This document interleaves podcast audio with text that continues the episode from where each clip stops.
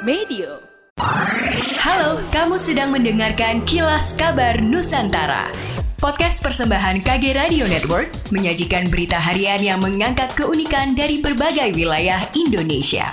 Kilas Kabar Nusantara dapat juga didukung oleh pengiklan loh.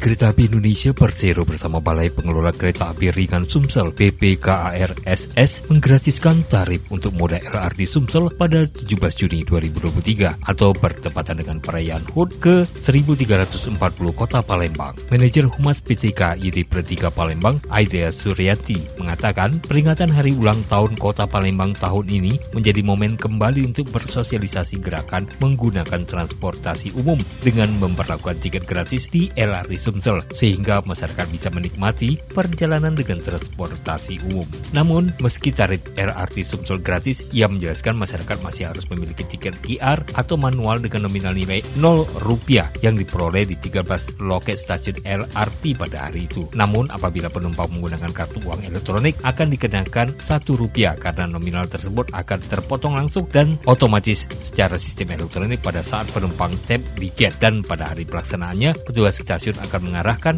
kepada penumpang untuk menggunakan tiket QR atau manual agar penumpang dapat menikmati perjalanan LRT Sumsel dengan tiket senilai nol. Kantor Wilayah Kementerian Hukum dan Hak Asasi Manusia Sumatera Selatan memberikan pelatihan menjahit bersertifikat kepada puluhan narapidana warga binaan pemasyarakatan WBP di Lembaga Pemasyarakatan Perempuan kelas 2A Palembang. Pelatihan keterampilan menjahit diberikan kepada WBP Lapas Perempuan dengan harapan bisa menjadi bekal untuk menjalani kehidupan setelah bebas menjalani masa pidana. Kakanwil Kemenkumham Sumsel Hewanjaya mengatakan selain menjahit sebelumnya pihaknya juga memberikan pelatihan kepada WBP Lapas Perempuan dengan keterampilan membuat roti dan aneka kue kering. Menurut Ilham, pihaknya melalui jajaran unit pelaksana teknis UPT pemasyarakatan terus memberikan pelatihan bersertifikat kepada warga binaan pemasyarakatan WBP. Pemberian pelatihan bersertifikat kepada warga binaan merupakan komitmen Kanwil Kemenkumham Sumsel dalam menjalankan pasal 3 peraturan pemerintah nomor 31 tahun 1999 tentang pembinaan dan pembimbingan narapidana WBP. Berdasarkan PP 31 itu disebutkan bahwa bahwa narapidana wajib mendapatkan pemberdayaan dalam pembinaan dan bimbingan berupa keterampilan kerja dan latihan kerja.